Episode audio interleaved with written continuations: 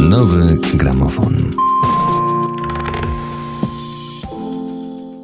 Cześć, witam Was serdecznie w kolejnym e, odcinku podcastu Nowy Gramofon. E, tutaj Katarzyna Ofilia Koćma, a dzisiaj moimi gośćmi są e, dr Lili Adamowicz i dr Paweł Debała. Zarówno e, Lili, jak i Paweł zajmują się szeroko pojętą popkulturą i kulturą alternatywną Japonii. I to będzie nasz dzisiejszy temat podcastu. Mm, Porozmawiamy sobie o zjawiskach e, popkulturowych, kontrkulturowych związanych z kulturą alternatywną Japonii, ale też porównamy, mam nadzieję, trochę do popkultury i do różnych działań e, alternatywnych w Polsce. Może zacznę od rzeczy podstawowej, czyli e, ponieważ oboje działacie naukowo, Lili wydałaś ostatnio książkę e, o krajobrazie fantazji związanych e, z dzielnicą taką alternatywną, kontrkulturową e, w Japonii mm, Harajuku. Ty, Pawle, z kolei e, tłumaczysz mangi. E, z tego, co pamiętam, znaczy, jak ostatnio rozmawialiśmy, to było ponad 600, teraz pewnie ten, ta liczba wzrosła. Mm, I zajmujesz się żartami w e, kulturze japońskiej, ale nie tylko e, w kulturze japońskiej. Jak zaczęła się wasza fascynacja e, tymi zjawiskami? Jak od fascynacji przeszliście do działalności naukowej i działalności takiej populary- popularyzatorskiej? E, witam wszystkich. E, no i może na początek właśnie e, powiem trochę o tym, jakie to moje zainteresowanie Japonią było, jak ono się zaczęło. Więc no takie początki to tak naprawdę już czasy liceum, kiedy zaczęłam interesować się mangą, anime, a od tego tak naprawdę moje zainteresowania przeszły w stronę muzyki, e, zwłaszcza e, za pośrednictwem e, endingów i openingów z anime. W ten sposób poznałam styl muzyczny zwany visualkę, który to tak naprawdę charakteryzuje się tym, że oprócz samej muzyki równie ważny jest wizerunek właśnie osób, muzyków e, i to w jaki sposób oni łączą tą muzykę ze stylem. A skoro właśnie styl, e, no to od tej muzyki moje zainteresowania przeszły w stronę mody. I zaczęłam ubierać się właśnie w stylu Lolita Fashion, który noszę do tej pory. No nie możemy tego zobaczyć, ale zapewniam was, że Lili e, jest ubierana e, w sposób e, lolici, jak się to mówi. Tak, więc właśnie noszę ten styl. Z jednej strony więc jest zainteresowanie ogólnie Japonią, popkulturą japońską jest dla mnie po prostu pasją, taką na co dzień, ale z drugiej strony też łączę to właśnie z moimi zainteresowaniami naukowymi. Zajmowałam się właśnie wizualkę, kulturą kawaii, Lolita Fashion, e, no a moja właśnie ostatnia książka dotyczy już szeroko rozumianej kultury e, Harajuku właśnie, stąd ten tytuł, Krajobraz Fantazji, Harajuku w ujęciu transkulturowym. Tak naprawdę, no właśnie, nie było zbyt wiele pozycji, które by dotyczyły tego tematu, a zarówno w języku polskim, jak i w angielskim, więc tak naprawdę jakby sama chcąc przeczytać książkę na temat zjawisk, które mnie interesu- interesują, skoro nie było tych książek dostępnych w języku polskim, a także było małych w języku angielskim, e, no to zaczęłam sama badać ten temat, spotykając się właśnie z pozycjami, które no, przeinaczały te wszystkie zjawiska. I w ten sposób od stricte mojej pasji przeszło to do moich zainteresowań naukowych i tak sobie trwa do dziś. Paweł, a jak było u ciebie? Cześć, z tej strony Paweł Dybała, między innymi tłumaczę mangi, co prawda do 600 dopiero dążę, ale to e, myślę, że jest kwestia czasu, bo właśnie dzisiaj mm, tłumaczyłem taką mangę, mm, która ma już w Japonii 106 tomów bodajże i sprawa jest, że tak powiem, rozwojowa. No także tak, od prawie 20 lat siedzę w tych tłumaczeniach, w japońskiej popkulturze jeszcze dłużej, ale wszystko u mnie się zaczęło od języka tak naprawdę, bo pierwszy raz usłyszałem japoński gdzieś tam w filmie no dobra, przyznam się, w animowanej Czarodziejce z Księżyca i stwierdziłem, że to jest bardzo fajny język, że bardzo chciałbym e, się go jakoś nauczyć trochę. I to zainteresowanie kulturą jako taką przyszło trochę później, tak na poważnie. No i obecnie tak to się dzieje, że oprócz tego, że tłumaczę mangi, to dość monotematycznie wykładam na ujocie, jak tłumaczyć mangi, między innymi, e, ale też e, prowadzę różne inne przedmioty związane głównie właśnie w tym momencie z popkulturą Japonii.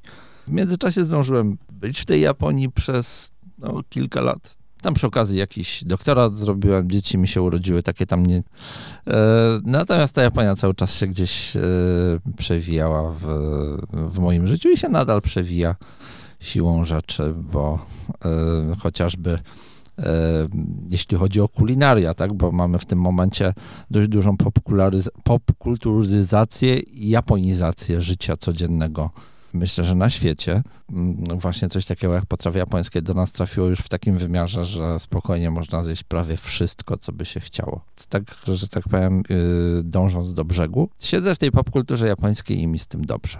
Wspominałeś, Paweł, o tym, że byłeś w Japonii przez wiele lat, prowadziłeś tam badania. Lili również była w Japonii, y, prowadziła badania. Mm, nie będziemy może bardzo szczegółowo mówić o sprawach naukowych, bo to też nie chcemy zanudzić naszych słuchaczy, ale y, powiedzcie mi proszę, jak to było, jak przyjechaliście do Japonii, zaczęliście się zajmować waszymi tematami?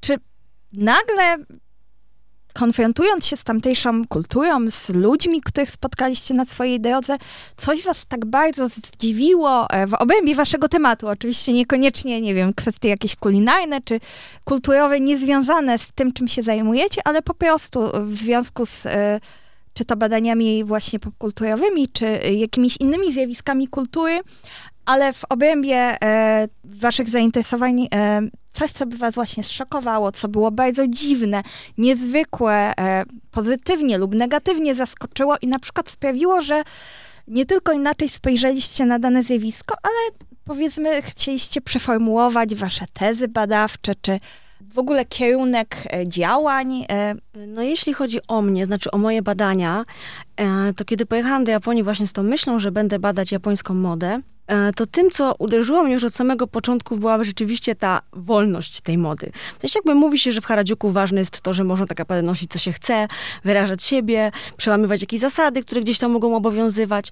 I to wydawało mi się niby czymś oczywistym, ale mimo wszystko, kiedy pojechałam i zobaczyłam, jak to wygląda na żywo, to uderzyło mnie to tym mocniej, biorąc pod uwagę fakt, że e, ta moda japońska, na przykład w, na zachodzie, była dużo mocniej skodyfikowana. Na przykład w przypadku stylu Lolita Fashion, jak mówi się, że właśnie wolność mody, to mimo wszystko były zasady, których należy przestrzegać, e, aby wyglądać dobrze.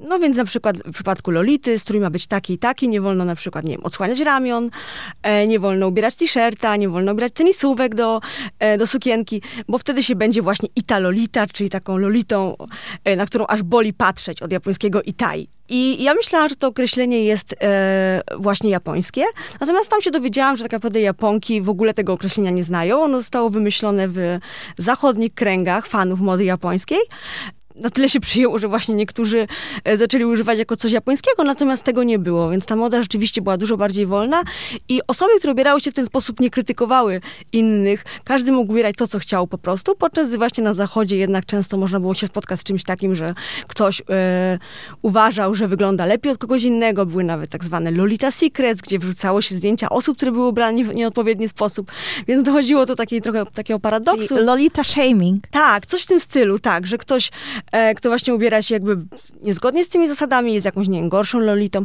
Widzę, że teraz też zmieniło się to również na zachodzie. Teraz ta moda jest już też bardziej, bardziej wolna. Natomiast rzeczywiście ta wolność tej mody w społeczeństwie takim skodyfikowanym jak Japonia od początku bardzo mnie uderzyło. Myślę, że to mm, jest spowodowane pewnym rozdziałem pomiędzy mhm. modą, która jest tym, co się robi w czasie wolnym, a wszystkim innym. W sensie w Japonii nikt nie pójdzie do pracy w stroju mhm. Gothic Lolita, prawda? Mhm. Y, ale właśnie dlatego, że wiadomo, w czym się chodzi do pracy, że to jest zawsze strój roboczy, jakikolwiek by nie był, czy to garnitur, czy nie wiem, skafander, to y, potem, y, jeśli ma się czas wolny, można robić, co się chce. I to rozgraniczenie myślę, że jest dość istotne, mhm. prawda? I im bardziej skodyfikowana jedna sfera życia, tym prawdopodobnie mniej ta druga. Tak, tak, dokładnie. Myślę, że to też dobrze widać w japońskiej popkulturze, która może przełamywać różne tabu, które tak naprawdę w codziennym życiu byłyby niewyobrażalne do przekroczenia. Czyli ta popkultura jest taka wolna i można tam tak naprawdę robić wszystko. I na przykład, nie wiem, przemoc w anime się nie będzie przykładała na stopień przestępczości w Japonii. Więc jakby to rozgraniczenie też tutaj jest widoczne, czy to w mandze, czy w anime, czy właśnie w modzie. Dobrze, że o tym wspominasz, bo ja do tej pory, jak wiesz, my z Lili e, rozmawiałyśmy niejednokrotnie e, też podczas różnych spotkań autorskich na temat e, tej strefy prywatności i strefy powiedzmy pracy, czy, czy jakiegoś tam skodyfikowania oficjalnego, gdzie było dla mnie szokujące, że to rozróżnienie jest tak ścisłe i no, wydawało się e, czymś wręcz dyskryminującym, ale tak jak mówisz teraz o tym, że na przykład to się nie przekłada e, na przestępczość chociażby, to akurat jest bardzo pozytywne zjawisko, więc e, myślę, że ma to e, swoje różne odcienie i mniej i bardziej pozytywne.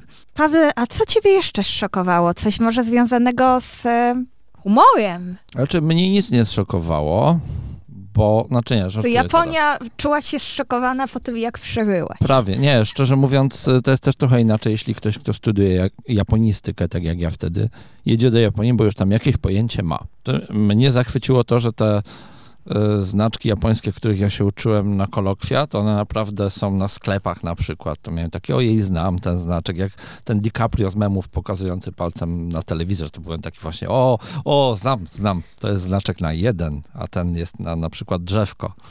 E, także to byłem... Czułeś się dumny z siebie. Czułem się dumny, ale też zachwycony, że to naprawdę istnieje. Natomiast y, skąd się w ogóle y, wzięło moje zainteresowanie humorem japońskim? No bo tak, y, moim tematem badawczym na doktoracie było mm, stworzenie sztucznej inteligencji, chatbota, która była, który byłby w stanie Aha, czyli to się humorem. Sprawka. Tak, myśmy robili... To, co teraz się dzieje Tak, wszystko. myśmy robili czata GPT zanim to było modne i to dawno, dawno temu. I badaliśmy, czy jeśli on używa humoru, konkretnie sucharów japońskich, to czy jest odbierany jako sympatyczniejszy, śmieszniejszy, bardziej ludzki? Wyszło, że tak. Tyle. Natomiast e, skąd się to w ogóle wzięło? Bo na magisterce z kolei tam klasyfikowałem te japońskie suchary fonetycznie, tam różne dziwne rzeczy z nimi robiłem. E, a wzięło mi się to stąd, że jak pierwszy raz byłem w Japonii na drugim roku studiów i było to ponad 20 lat temu, uczcijmy to sekundą ciszy, e, tak więc mieliśmy takie spotkanie integracyjne z japońskimi bodaj studentami albo licealistami, nie pamiętam. No w każdym razie e, siedzimy sobie przy stole i tak trochę nie ma o czym rozmawiać. E, wszyscy się wstydzą, no bo nasz japoński taki niedoskonały i trochę nie wiadomo o czym by tu zagaić. No nie będziemy mówić w kółko, że moja mama jest lekarzem, bo to umieliśmy powiedzieć.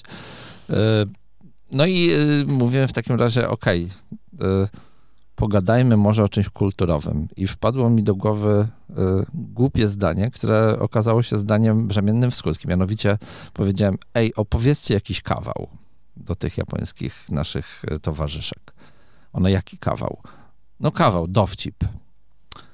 No i powiedziałem mi dowcip, który y, oparty był na homofonii, czyli na takim samym brzmieniu słów i czekają. Ja mówię, dobra, ale co dalej? Bo zaczyna się ciekawie. A ona, że nie, no to już. Ale że co już? No bo te dwa słowa brzmią tak samo i to jest śmieszne.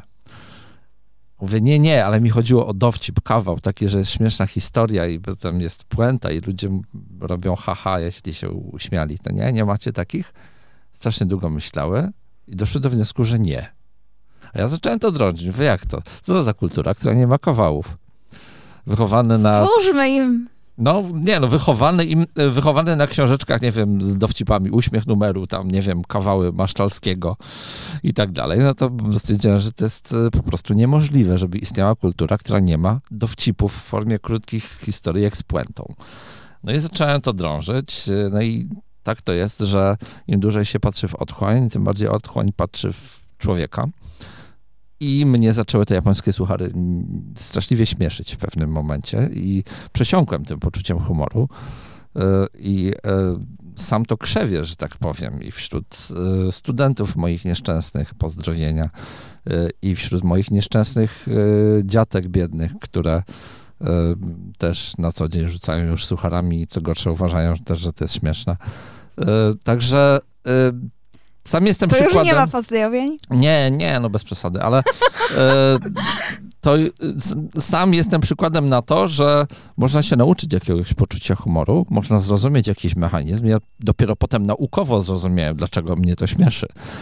Ale że można, można doświadczyć czegoś takiego jak odmienne poczucie humoru, odmienne pojęcie tego, co, co może być śmieszne i e, nauczenie się tego w jakiś sposób. Także u, u, mnie to w ten sposób wyglądało, a że tłumaczę mangi, a tam te suchary też się pojawiają regularnie, no to, to tylko jest to woda na mój młyn, że tak powiem. To skoro już jesteśmy przy tłumaczeniu mang, e, powiedz proszę, jak wygląda proces tłumaczeniowy e, mang, bo przypuszczam, że trochę inaczej niż tłumaczenie e, wierszy bądź e, piosenek, bądź prozy, którymi z kolei ja się zajmuję, ale z języka angielskiego czy na język angielski.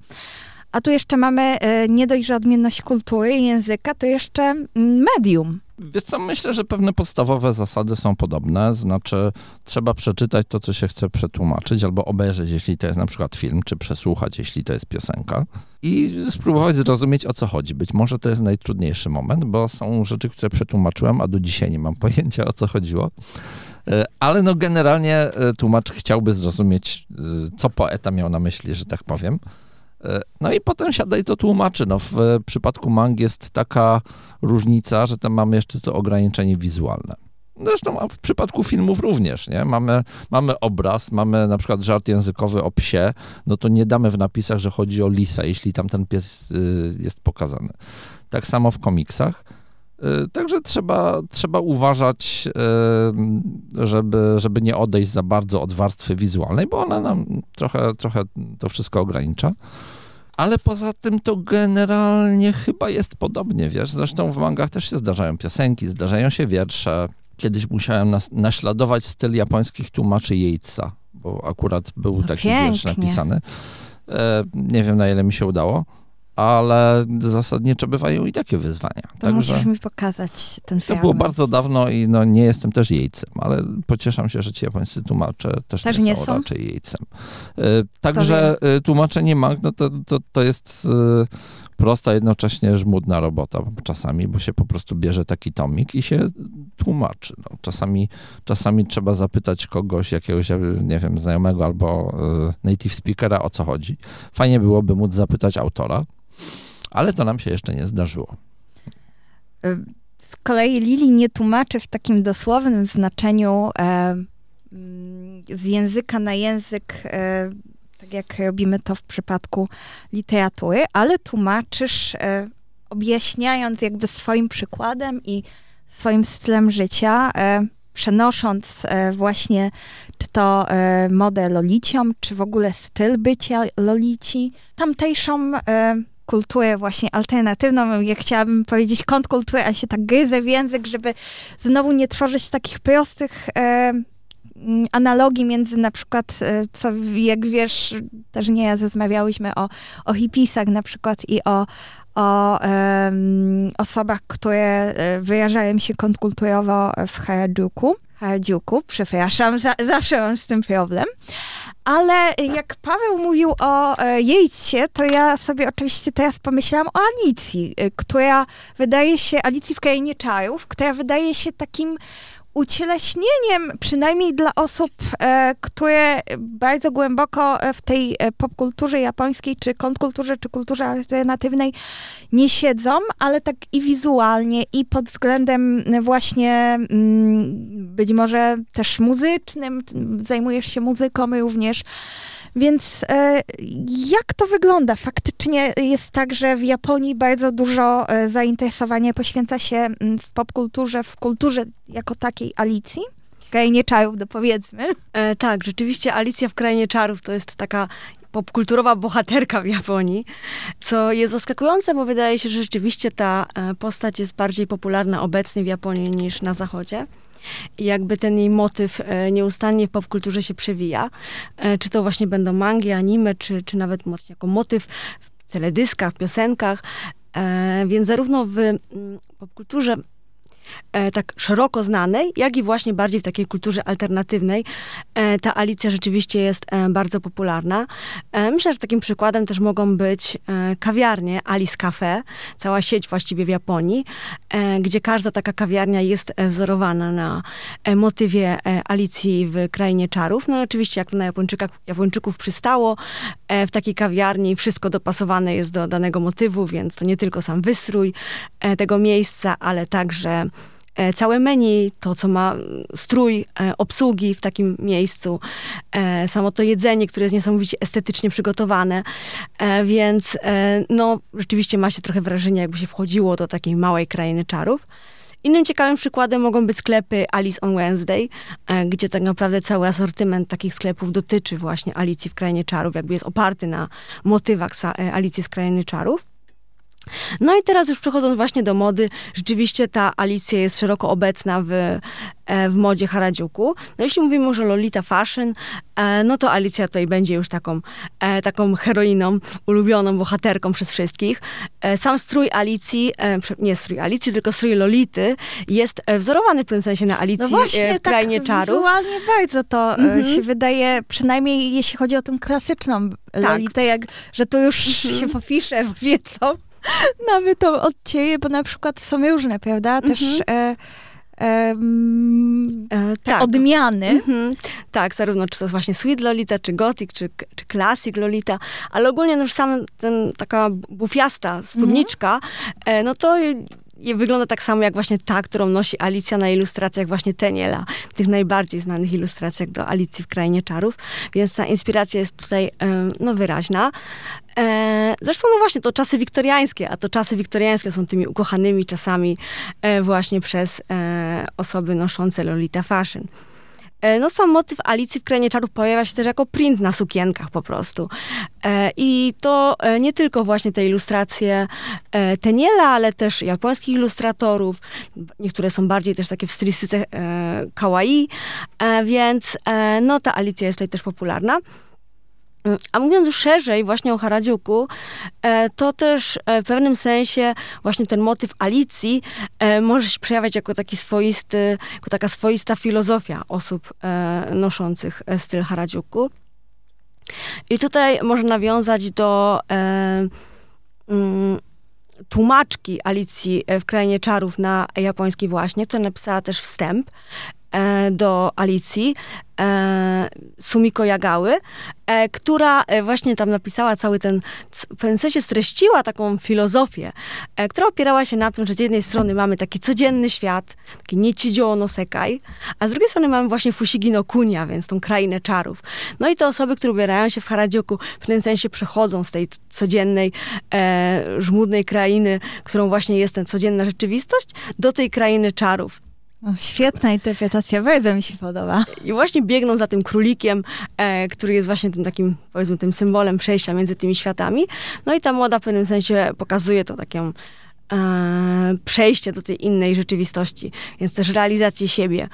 E, więc e, no rzeczywiście e, cała kultura kawaii w pewnym sensie może być właśnie takim przejściem do krainy czarów, ale no właśnie w przypadku Harajuku e, to przejście jest jeszcze jakby mocniejsze i rzeczywiście często ten motyw tej Fushigi no Kuni e, gdzieś tam się pojawia i e, też w magazynach dotyczących choćby mody Harajuku można się właśnie było spotkać z tym motywem, który no, w pewnym sensie, jeśli by mówić o filozofii Harajuku, to właśnie na to można by tu wskazać. To ja tylko dodam, że mamy w Krakowie kawiarnie. To jeszcze po krakowsku to powiedziałam. Tak. Trzy, po krakowsku. Trzy kawiarnie poświęcone tematowi Alicji w Krainie Czarów. Więc e, jeśli ktoś się interesuje, to myślę, że je sobie e, znajdzie i może się tam udać i eksplorować nieznane światy. Pawle, skoro nie Alicja, bo przypuszczam, że jakby Lili mówiła o Alicji, natomiast e, nie jest to na pewno jedyny motyw, który się pojawia na przykład w mangach i w, też w anime. To jakie jeszcze tematy, czy, czy też bohaterowie kultury, a może jakieś e, wątki, które są słynne, a które e, ciebie ciekawią? Y, to ja odpowiem pytaniem na pytanie, mianowicie... O Murakamiego coś? Nie, w ogóle. O nie. Jakie wątki się często pojawiają w książkach? Ja mam teraz zacząć nie, wymieniać. Nie, nie, nie tak. musisz, bo to jest trochę to jest retoryczne, nie? To są... A, już e, myślałam, że nie się ma czegoś poprodukuje. Takiego. Nie, nie, nie, to e, nie o to chodzi, żeby tu teraz wymieniać, tylko chodzi o to, żeby zwrócić uwagę na różnorodność tematyczną e, medium. No mangi, anime to nie jest jednolity twór, w którym wyróżnimy na przykład pięć tematów i nic więcej no, nie mamy trendów związanych no, z jakąś e, trendy, epoką, zmieniają. związaną z czasami, wydarzeniami na przykład społecznymi, kulturowymi, politycznymi. Chyba mniej. Polityki prawie nie poruszają. Jest, jest mały, e, mała grupa manki anime dotyczących polityki właśnie. O czym wiem głównie dzięki temu, że prowadzę zajęcia o mandze i polityce od zeszłego semestru. Teraz jestem taki mądry. Ale e, to, No to często... trudno chyba prowadzić, jak nie ma tak dużo materiału. No, dlatego je prowadzę, nie? Żeby nie mieć bardzo dużo pracy. E, jakby o to chodzi. E, ale to czasami, czasami mamy do czynienia właśnie z sytuacją przetwarzania pewnych wątków w sposób, powiedziałbym, dość charakterystyczny dla tego medium. Jest na przykład manga. E, po angielsku ona ma tytuł Legend of Koizumi, po japońsku Mudazu Monaki Kaikaku i jej głównym bohaterem jest były premier Japonii Junichiro Koizumi, który z innymi przywódcami światowymi, obecnymi i przyszłymi, gra w Mahjonga. I w ten sposób rozwiązywa- rozwiązywane są konflikty na skalę międzynarodową. Tam jest Bardzo jakaś wojna, sposób. oni siadają do Pięknie. i, i się tłuką i na przykład e, to rozwiązuje w którąś stronę ten konflikt. One oczywiście w międzyczasie rozgrywają się zbrojnie, ale ten, kto wygra, to, to, e, to ta strona jest zwycięska, przy czym Koizumi oszukuje straszliwie. On jest mistrzem e, szulerstwa w tym Mahjongu. Ale e, żeby nie było aż tak normalnie, chociaż e, tutaj można postawić znak zapytania, czy to aby na pewno jest normalne, ale żeby było jeszcze dziwniej, jest dziwniej i dziwniej, e, to wchodząc w głąb tej króliczej nory, okazuje się, że w tej mandze pojawia się również niejaki Adolf Hitler, który też gra w Mahjonga. Zyskuje nagle nowe moce w pewnym momencie. Pojawia się dr Mengele, Julia Tymoszenko, Benedykt XVI. W ogóle pojedynek między Benedyktem a e, Hitlerem jest jedną z najbardziej epickich scen tej serii. I to wszystko jest podlane takim sosem absurdu, komedii i myślę, że e, jeśli miałbym mówić o jakichś tendencjach w mandze, to byłyby to właśnie pewne sposoby przetwarzania kultury i znanych wątków, niż e, kwestie tematyczne. No bo e, można znaleźć naprawdę czasami najdziwniejsze historie w tej mandze. To, co opowiedziałem, to nie jest, nie byłoby nawet w pierwszej dziesiątce dziwnych mang, jakie znam. No jest historia o, o szkole, o liceum, do której chodzą znane rzeźby. Jej głównym bohaterem jest Dawid, rzeźba Dawida, ale występuje też Mannequin Peace z Brukseli, jeśli dobrze pamiętam. No w każdym razie i oni, oni mają różne przygody, romanse i tak dalej. Dziwne w opór, ale y, w tę stronę to czasami idzie. Czyli musi paść jedno z tych słynnych słów, które zawsze padają w tym podcaście, gdy go prowadzę, czyli postmodernizm. E, Oczywiście są różne gatunki wyróżniane ze względu na przykład na wiek odbiorcy i na płeć odbiorcy. To się, te granice się coraz bardziej zacierają, ale one też zawsze były umowne, mam wrażenie. Tematycznie też, no oczywiście, że jest, są popularne, nie wiem, wielkie roboty gdzieś tam. Popularne są, e, nie wiem, romanse. Tak zwane isekaje są w ostatnich latach popularne, czyli opowieści o tym, i to znowuż jakiś wątek alicyjny, że ktoś dostaje się do alternatywnego świata, na przykład y, trafia do wnętrza gry, trafia gdzieś tam do właśnie e, innego wymiaru, gdzie jest zupełnie kimś innym, ale znowu czasami to idzie w tak absurdalną stronę, że nie wiem, ktoś się odradza w innym świecie jako galareta. Autentycznie, jest taki, e, taka historia i ona jest całkiem, całkiem dobra. Zdarza się najlepszym. No właśnie. y, Myślę, że szukałbym tutaj pewnych prawidłowości w pójście w stronę absurdu i przekraczanie pewnych granic, a niekoniecznie w kwestie czysto tematyczne. Skoro mówimy o przekraczaniu granic, e, jestem ciekawa, jak wy widzicie granice między tym, co dzieje się, ponieważ oboje należycie do fandomu. W pewnym sensie. E, zaraz wyjaśnię, e, co mam na myśli poprzez fandom. Zajmujecie się kulturą, też sami aktywnie tę kulturę tworzycie i działacie w jej obrębie, mm, ale to jest kultura często związana z fantastyką i właśnie mm, często mówi się o fanta- y, fantastyce w takim kontekście, że to jest fandom fantastyki. No, Paweł należy e, trochę jakby już, znaczy już długo, ale na zasadzie takiego e, przyporządkowania trochę stereotypowego, prawda? Bo jeśli ktoś zajmuje się fantastyką, jeśli sam pisze, to, to należy do fandomu. O tym na końcu sobie porozmawiamy, o waszej działalności też twórczej. E, ty, Lili, z kolei należysz do fandomu, e, można powiedzieć, fandomu Lolit, prawda? Czy fandomu e, e, słuchaczek e, muzyki e, japońskiej Vi- Visual Ke, tak? Dobrze to wymówiłam. W miarę, tak, tak? tak, tak. W zbliżonej formie chociażby. E, to ja wiem, że, że cudów nie ma, ale, ale mam nadzieję, że e, nie pomyliłam tym razem niczego. E, no właśnie, ja mówię, że należycie, prawda? To, to jest moje zdanie, ale wy możecie się z nim nie zgodzić. Teraz powiedzieć nie, absolutnie, proszę mnie tutaj tak nie klasyfikować.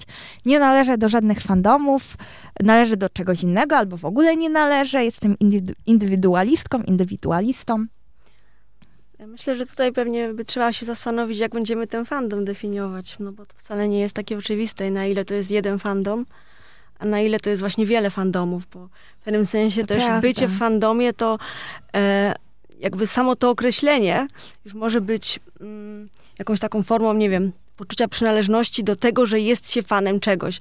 I trudno powiedzieć na przykład, nie wiem, fandom Lolity. W sensie nigdy na przykład nie spotkałam się, żeby Nie? mówić o grupie Lolita Fashion jako o fandomie. Raczej mówi się o community, o wspólnocie.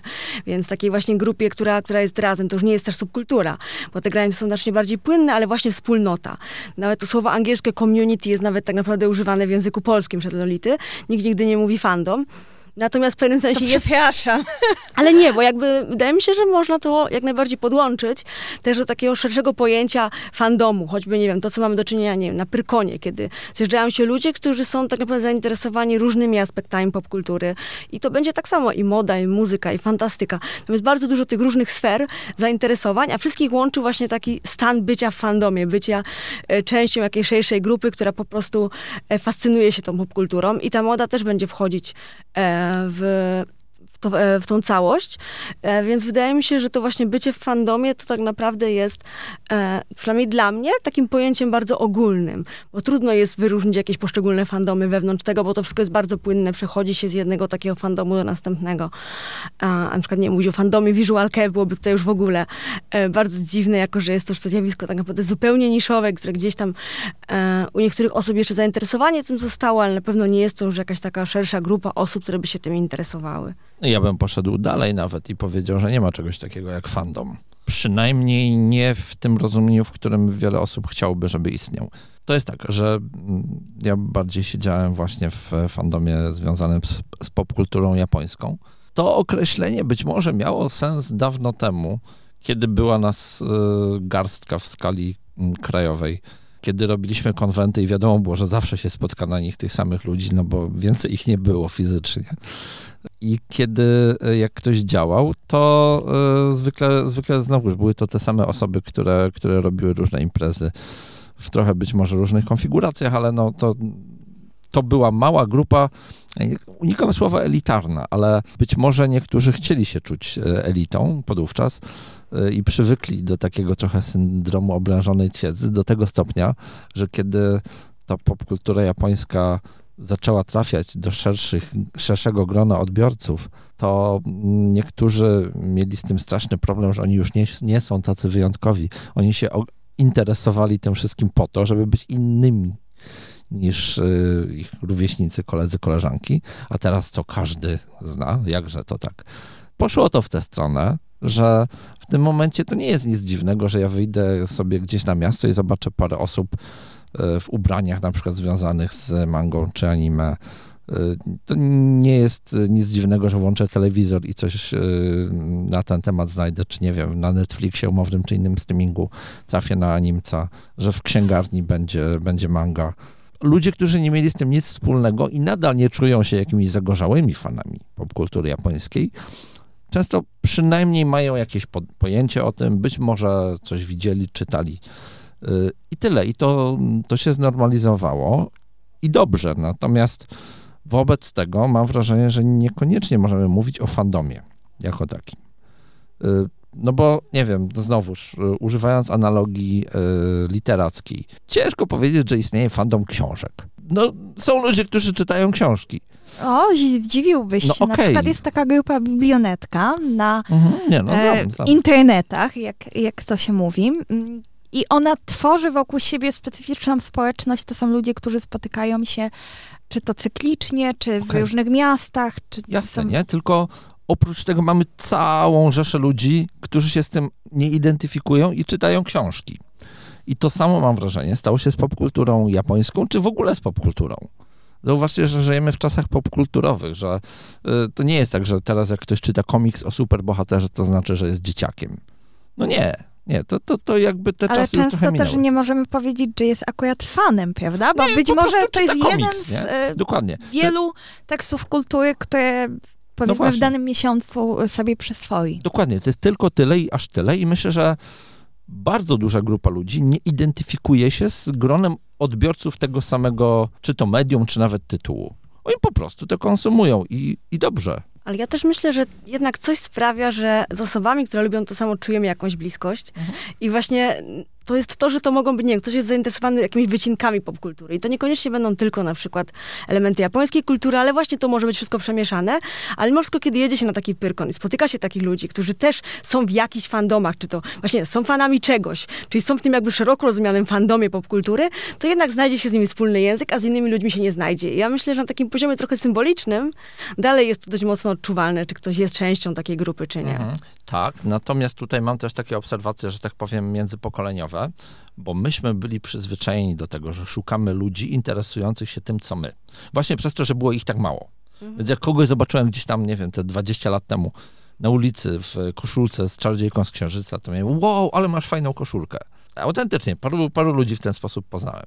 Natomiast jak patrzę na moje dzieci, one nie mają potrzeby specjalnego szukania ludzi interesujących się tym samym, co one, bo ich jest tylu, że są w stanie pogadać o wszystkim. Nawet jeśli nie widzieli dokładnie tych samych, nie wiem, anime, nie czytali dokładnie tych samych komiksów, to się wymienią y, poglądami i nie będą to jakieś zupełnie inne światy, więc mam wrażenie, że y, trochę się to przenosi y, w tę stronę, co znowuż, to mi się podoba. Ja, Zobaczymy, jak się to rozwinie też przy kolejnym właśnie pokoleniu. Na ile to osoby będą czuły jakąś po- potrzebę, żeby tworzyć grupy, a na ile nie. Bo mam wrażenie, że choćby, nie wiem, takie pokolenie Z, no to oni mimo wszystko jeszcze są mocno zakorzenieni w takim myśleniu fandomowym. No właśnie, może to młodsze pokolenie, o którym ty mówisz, e, patrzy już na to inaczej.